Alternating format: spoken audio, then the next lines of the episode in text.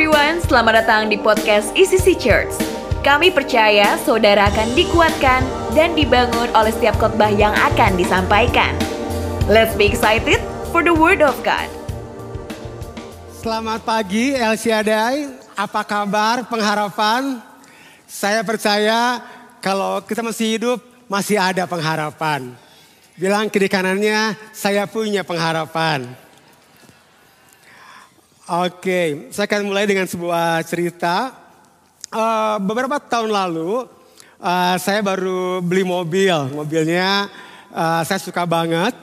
Dan uh, pagi itu saya mengantar anak saya ke uh, CBCS. Dan waktu saya di tol, tiba-tiba ada yang menabrak mobil saya dari belakang. Itu tabrakan itu membangkitkan manusia lama saya. Jadi saya emosi banget karena saya masih ingat belum lunas cicilannya. Jadi saya buru-buru kejar mobilnya, buka jendela, saya kasih kode. Uh, saya percaya saya punya otoritas ilahi, uh, mobilnya langsung menepi ke pinggir. Jadi saya pun menepi ke pinggir. Waktu saya turun dari mobil, tiba-tiba mobil itu ngegas kenceng banget ninggalin saya. Wah saya makin emosi dong. Saya buru-buru masuk ke mobil, saya mau kejar, wah kejar. Dalam pengejaran saya, saya udah mulai imajinasikan. Kali ini saya akan pepet lebih dekat ke mobilnya.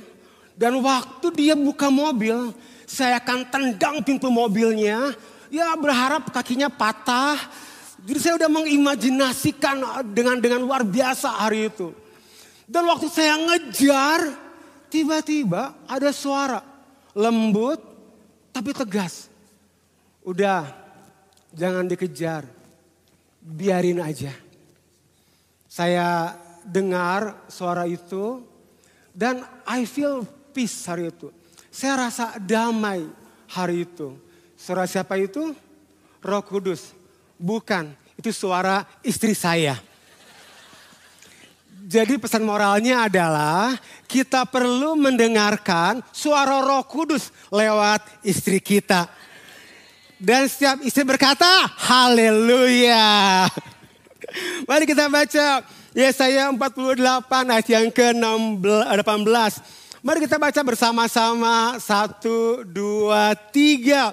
Sekiranya engkau memperhatikan perintah-perintahku, maka damai sejahteramu akan seperti sungai yang tidak pernah kering dan kebahagiaanmu akan terus berlimpah seperti gelombang-gelombang laut yang tidak pernah berhenti. Katakan amin. Mari kita hampiri Bapak sekali lagi. Kita berbahasa roh. Sikiarala bahola bakara tabaka. Lana tabaho maseke yarala baka. Sikiarala baho baka yarala baka. Kami berdoa biar engkau yang menelisik masuk ke dalam roh kami, jiwa kami, tubuh kami, apa pun yang sedang kami pikirkan di akhir tahun ini, kami sungguh berdoa biar sungguh damai Natal menjadi bagian kami. Berbicara buat setiap kami dari kiri ke kanan, depan ke belakang. Thank you Lord. Dalam nama Tuhan Yesus kami sudah berdoa dan setiap kita yang percaya di dalam namanya berkata amin. Nah judul sharing saya di pagi hari ini adalah The Wonderful Gift of Christmas. Hadiah yang luar biasa, yang menakjubkan, yang spektakuler dari Natal. Salah satu alasan mengapa kita merayakan Natal adalah karena Tuhan Yesus, Sang Raja Damai, datang untuk memberikan damai. Apakah itu damai sejahtera? Uh, sudah berikan definisinya. Damai sejahtera adalah ketika kita semua lengkap, rukun, dan sejahtera, bebas dari kekhawatiran, dan ada ketenangan dalam hati dan pikiran. Damai sejahtera tidak dapat dibeli oleh pencapaian, penghasilan, pengakuan, bahkan posisi.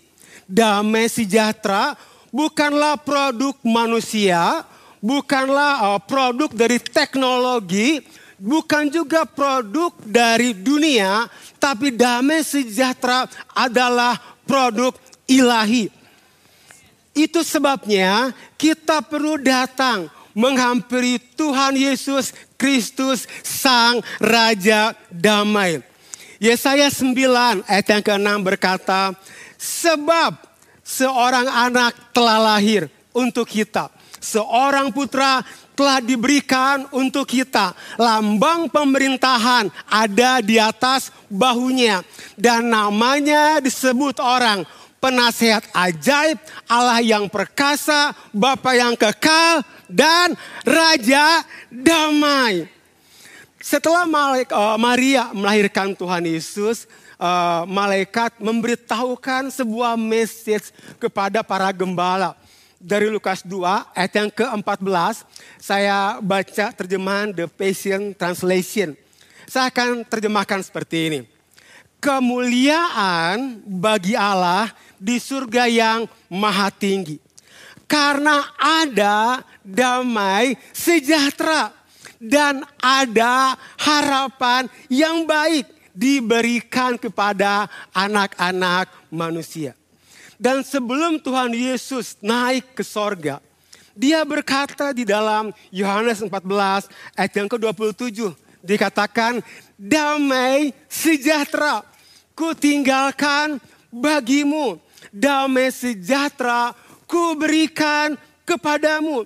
Dan apa yang ku berikan tidak seperti yang diberikan oleh dunia kepadamu. Janganlah gelisah dan janganlah gentar hatimu.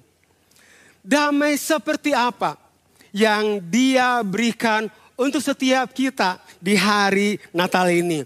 Yang pertama adalah peace with God. Damai dengan Tuhan. Tahukah Bapak Ibu Saudara, hal pertama yang hilang ketika seseorang berbuat dosa adalah orang tersebut kehilangan damai sejahtera. Itu sebabnya Tuhan Yesus, Sang Raja Damai, datang ke bumi untuk memberikan damai sejahtera. Di dalam Lukas 2 ayat yang ketujuh dikatakan, waktu bayi Yesus lahir, lalu dibungkusnya dengan lampin. Ini bukan hal yang uh, apa? Bukan hal yang biasa. Ini hal yang luar biasa. Kenapa? Karena kain lampin merupakan tanda kebangsawanan seorang Yahudi. Ini adalah identitas Tuhan Yesus sebagai raja keturunan Daud dari orang Yahudi karena dia dibungkus dengan kain lampin. Dan ketika orang orang majus dari timur datang, mereka membawa persembahan emas, mur dan kemenyan.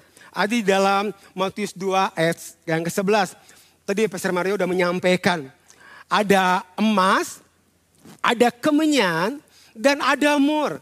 Yang mereka persembahkan kepada bayi Yesus.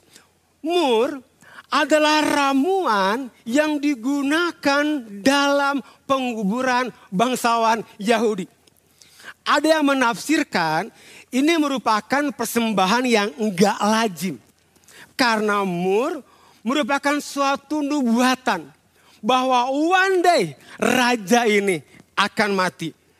Dan Tuhan Yesus, Raja Damai, dia mati di kayu salib sebagai korban pendamaian kita dengan Bapa.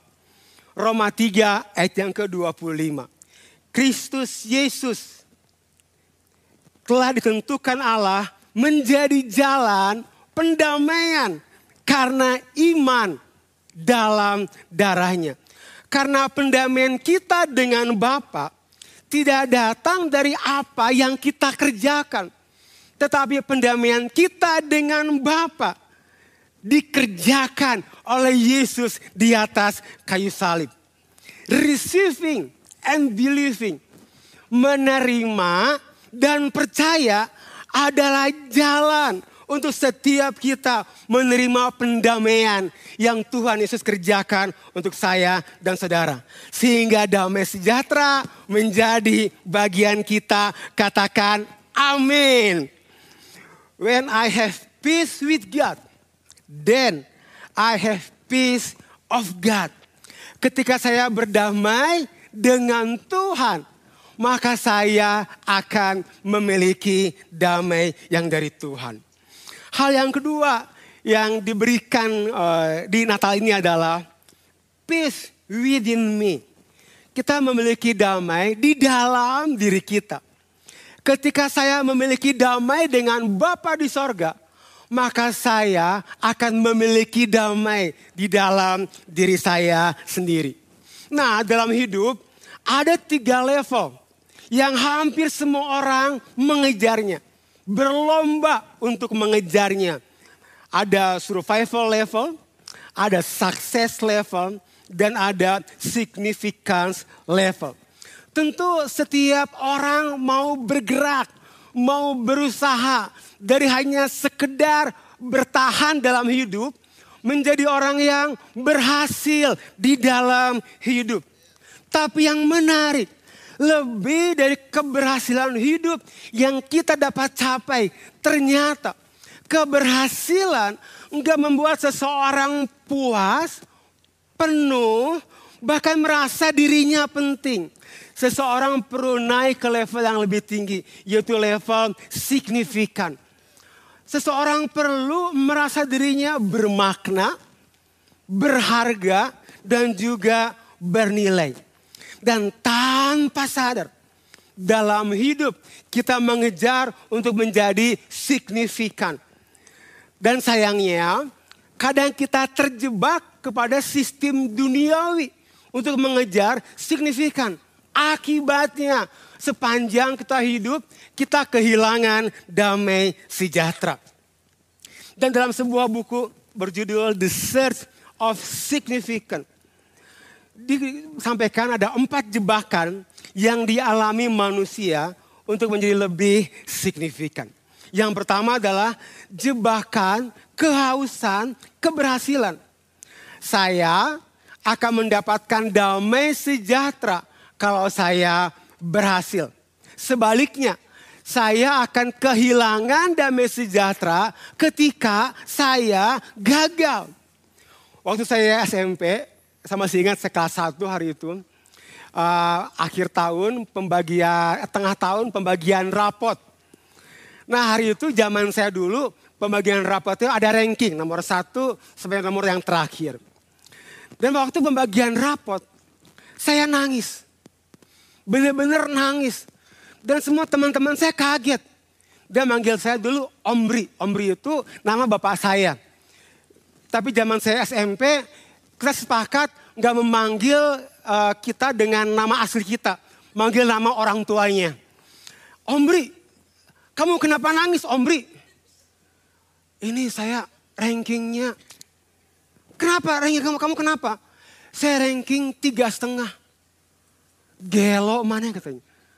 Gila kamu, kamu kenapa nangis? Kan kamu ranking tiga setengah. Tuh kamu lihat si itu. Ranking terakhir bahagia aja.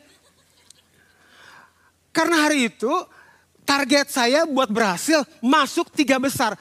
Tapi hari itu nilai saya dengan nilai teman saya Jeremy Tule nilainya sama. Jadi ada ranking tiga setengah. Dari tiga setengah langsung ke ranking lima. Dan saya merasa gagal karena nggak ke tiga besar. Don't base your worth on your work. Jangan jadikan dasar duniamu adalah pekerjaanmu. Saya sepakat, bahkan saya setuju untuk apa pun yang kita kerjakan, kita kerjakan dengan segenap kemampuan dan juga dengan segenap hati. But bermaknanya hidup kita, bernilainya hidup kita, berharganya hidup kita. Bukan karena apa yang kita kerjakan, bukan karena apa yang orang katakan tentang kita, Tapi karena apa yang Bapak kerjakan dan apa yang Bapak katakan tentang kita, itu yang membuat kita berharga, bernilai, dan bermakna. Yang kedua adalah jebakan kehausan akan penerimaan. Saya akan mendapatkan damai sejahtera ketika saya diterima. Saya akan kehilangan damai sejahtera ketika saya ditolak. Kita diterima apa adanya oleh Bapak. Bukan ada apanya.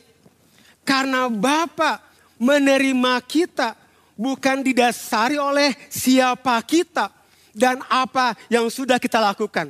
Tetapi karena Tuhan Yesus mati di kayu salib buat saya dan saudara.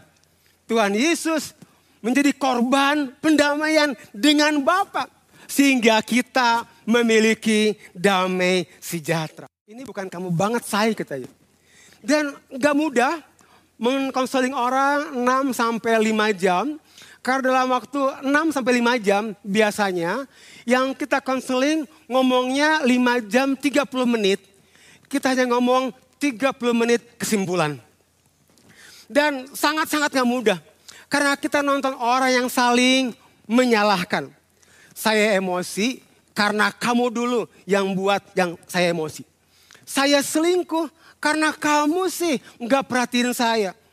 Saya nggak perhatiin anak-anak karena kamu nggak siapin saya makan. Kita terjebak untuk saling menyalahkan. Karena di alam bawah sadar kita ada sebuah prinsip yang kita pegang kalau kita mengaku salah, kita akan dihukum. Jadi kita terlatih untuk menutupi satu kebohongan dengan satu kebohongan. Kita terlatih untuk menutupi satu dosa dengan dosa yang lainnya. Akibatnya kita akan semakin tenggelam dan kita kehilangan damai sejahtera. Itu tipu muslihat iblis. Karena yang Tuhan rindukan adalah kita mengakui segala dosa kita karena darah Tuhan Yesus sudah dicurahkan di atas kayu salib bagi saya dan saudara sebagai jalan pendamaian bukan penghukuman. Roma 8 ayat yang pertama. Demikianlah sekarang tidak ada penghukuman bagi mereka yang ada di dalam Kristus Yesus. Yang keempat adalah jebakan rasa malu atau rendah diri. Saya akan mendapatkan damai sejahtera ketika saya berpenampilan dengan standar tertentu. Sebaliknya, saya kehilangan damai sejahtera ketika saya berpenampilan biasa-biasa saja. Beberapa waktu yang lalu saya uh, makan pagi di sebuah kafe di, di Progo dengan seorang uh, rekan saya. Waktu kita kita sarapan, tiba-tiba saya ingat uh, teman saya ini. Saya bilang, bro, jam tangan kamu bro, yang lagi dijual, dimahalin 20 juta. Hah, kok bisa? Iya, di bawahnya ada tulisan, jam tangan bekas nama kamu. Padahal yang lain jamnya sama juga. Cuma karena bekas kamu bro dinaikin 20 juta. Kita ketawa-tawa uh, pagi itu. Tapi saya belajar hal yang penting. Bukan soal jamnya. Tetapi siapa yang memilikinya itu yang penting. Mungkin hidup kita sekarang, ah kita lagi berpikir biasa-biasa aja. Ah begini-begini aja. Ah sama-sama aja. Dengar, hidup kita enggak begini-begini aja. Dengar, hidup kita enggak biasa-biasa aja. Dengar, hidup kita enggak sama-sama aja. No, ingat siapa yang memiliki hidup kita. Siapa dia? Tuhan kita, Yesus Kristus namanya. Bahkan dia, tepuk tangan dulu. Amin. Bahkan dia sudah mengangkat kita jadi anaknya. Hanya kita yang memanggil sang pencipta dengan sebutan Bapa katakan amin. Ketika saya memiliki damai dengan diri saya, maka saya akan memiliki damai dengan orang lain. Karena dalam sebuah hubungan apa pun, suami istri, eh, keluarga, di tempat kerja, dengan tim saudara-saudara, apa pun. The biggest problem in the world is not you, it's me. Dalam semua hubungan, masalah terbesarnya bukan pasangan kita. Sometimes masalah terbesar adalah diri kita sendiri. Yang ketiga, hadiah yang Tuhan berikan buat kita. Peace with other. Semakin jauh hubungan kita dengan Tuhan, maka semakin jauh hubungan kita dengan sesama. Semakin dekat hubungan kita dengan Tuhan, maka semakin dekat hubungan kita dengan sesama. Dan ini yang saya percaya. Semakin dekat kita dengan Tuhan, maka akan semakin penuh hidup kita dengan kasih Tuhan. Waktu hidup kita penuh dengan kasih Tuhan. Waktu orang menyakiti kita, kita akan cepat rebound untuk mengasihi. Waktu orang melukai kita, kita akan cepat rebound untuk melepaskan pengampunan. Waktu kita disalah mengerti, kita akan cepat rebound untuk bisa memberikan damai sejahtera. Why? Karena hidup kita penuh dengan kasih Tuhan. Kita nempel dengan sumber kasih kita. Selama kita nempel dengan sumber kasih kita. Waktu konflik, dilukai, disakiti, disalah mengerti, ditolak, dibuang. Kita akan dengan mudah rebound. Why? Karena hidup kita penuh dengan kasih Tuhan. Come on, berikan tepuk tangan buat Tuhan kita. But, kalau kita jauh dengan Tuhan, kita akan jauh dengan sesama. Kenapa? Karena hidup kita kosong dengan kasih Tuhan. Akibatnya ketika konflik terjadi, kita disalah mengerti, kita dilukai, kita rasa dibuang, kita dikritik dengan keras, ditegur dengan keras. You know, waktu itu terjadi, dia nggak bisa rebound. Dia nggak punya kemampuan dengan cepat untuk mengasihi orang yang menyakiti dan melukai. Dia nggak bisa rebound dengan cepat untuk mengasihi orang yang menyalah mengerti dia. Dia akan kecewa, bahkan dia akan kepahitan, bahkan dia akan keterikatan dengan roh jahat. Karena kepahitan celah di mana iblis akan masuk. Dan segala macam roh jahat akan masuk. Why? Karena hidupnya jauh dari Tuhan. Hanya orang yang dekat dengan Tuhan, hidupnya akan terisi penuh oleh kasih Tuhan. Apa pun yang orang buat kepada orang seperti ini, dia selalu punya kemampuan buat rebound untuk mengasihi. Katakan amin. Amin. Nah, I feel, I feel, I feel. Tahun ini saya punya punya punya progres untuk untuk rebound dalam hidup saya beberapa waktu yang, yang lalu ada satu isu dan I feel, I feel. Saya terluka banget, saya marah banget, kecewa banget. Biasanya dulu-dulu masalah kayak gitu, saya bener-bener bisa nggak ngajak omongan orangnya lama. Saya bisa berpas-pasan di kamar mandi, tapi saya nggak ngajak ngobrol. Wah, karena karena saya begini banget. Buat kemarin, Oh, saya sangat terluka karena menyangkut keluarga saya. Jadi oh, emosi banget, you know. Kalau saya dekat dengan Tuhan, saya penuh dengan kasih Tuhan. Dalam satu hari, saya bisa rebound, saya bisa mengasihi, bahkan saya bisa ngajak ngobrol mereka, bahkan saya bisa sharing di tempatnya mereka dengan sangat all out. Why? Hidup saya penuh dengan kasih Tuhan. Amin. Beberapa waktu yang lalu, bulan ini, saya punya tim. You know, tim banyak hal terjadi dengan, dengan tim saya. Ada satu orang yang gak sesuai dengan ekspektasi saya. Wah, saya disappointed banget.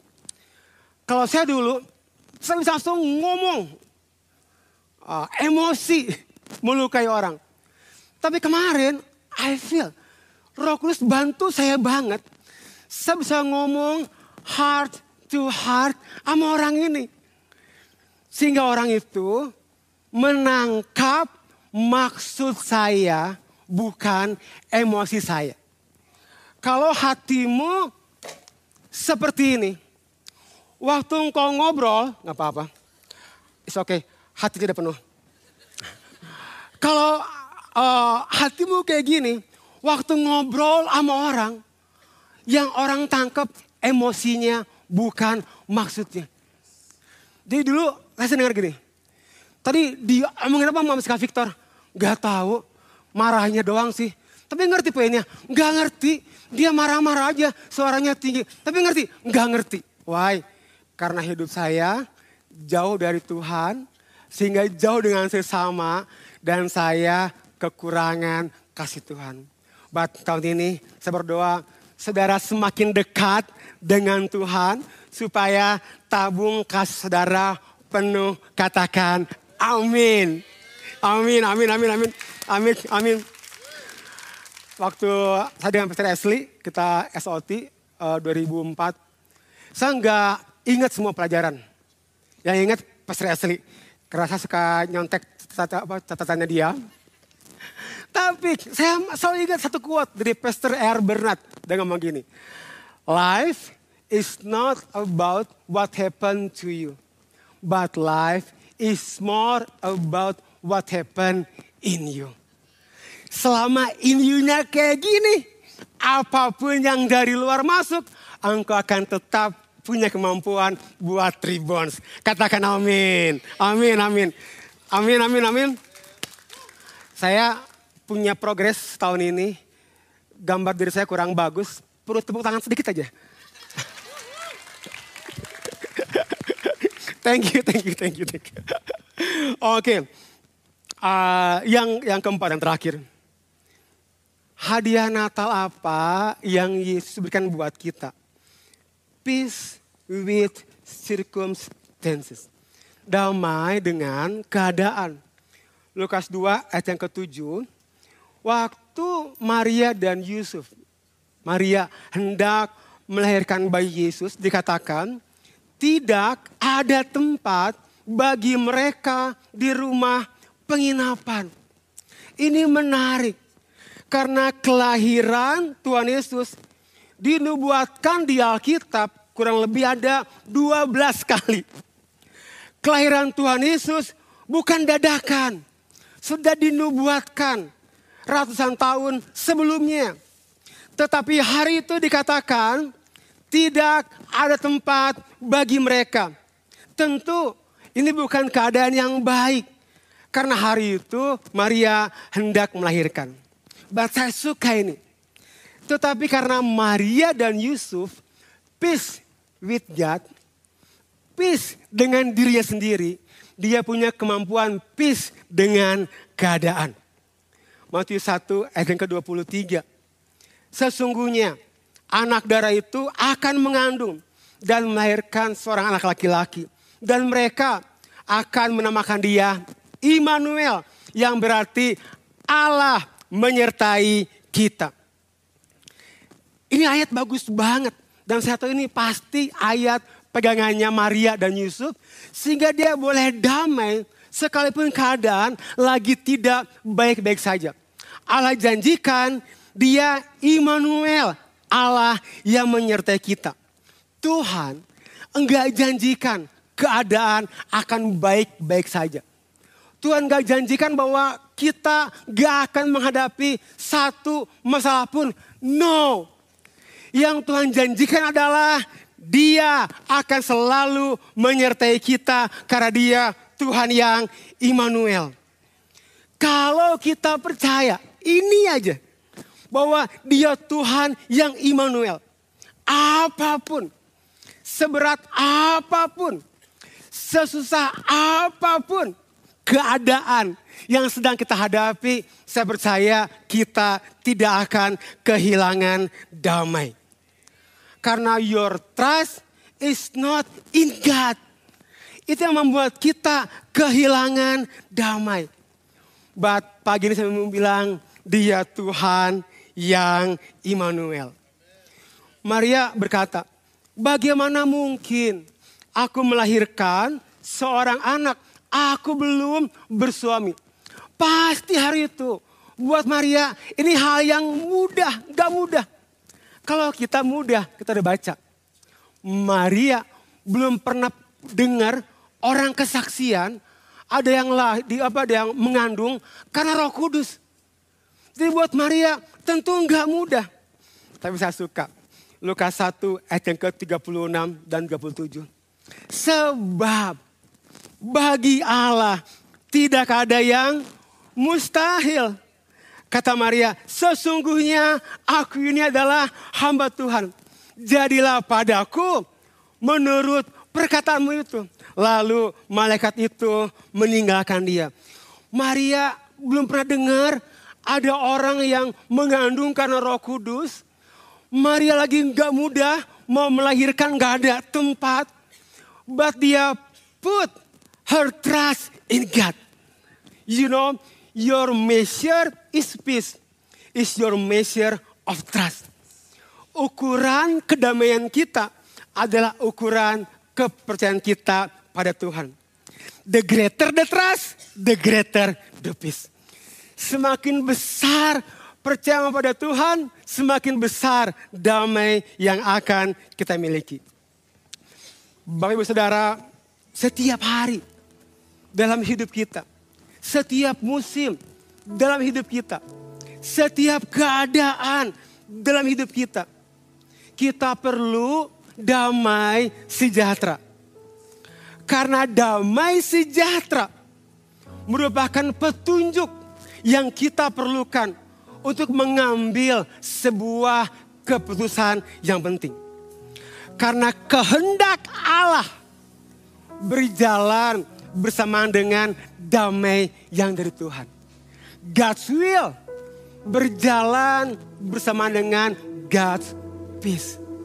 Tahun depan, in your season, keadaan yang gak mudah, musim yang gak mudah, dan kau perlu mengambil sebuah keputusan. Ingat ini, jangan mengambil keputusan karena keadaan But kita perlu mengambil keputusan. Ada God's peace enggak in your step? Ada damai Tuhan enggak? Karena kehendak Tuhan selalu sertai damai sejahtera Tuhan. Hari ini kita belajar the wonderful gift of Christmas. Peace with God, peace within me, peace with other, and peace with circumstances. Saya percaya ini pesan yang khusus buat setiap kita yang mendengarkan. We pray that this message will bless you and build you. See you at the next podcast.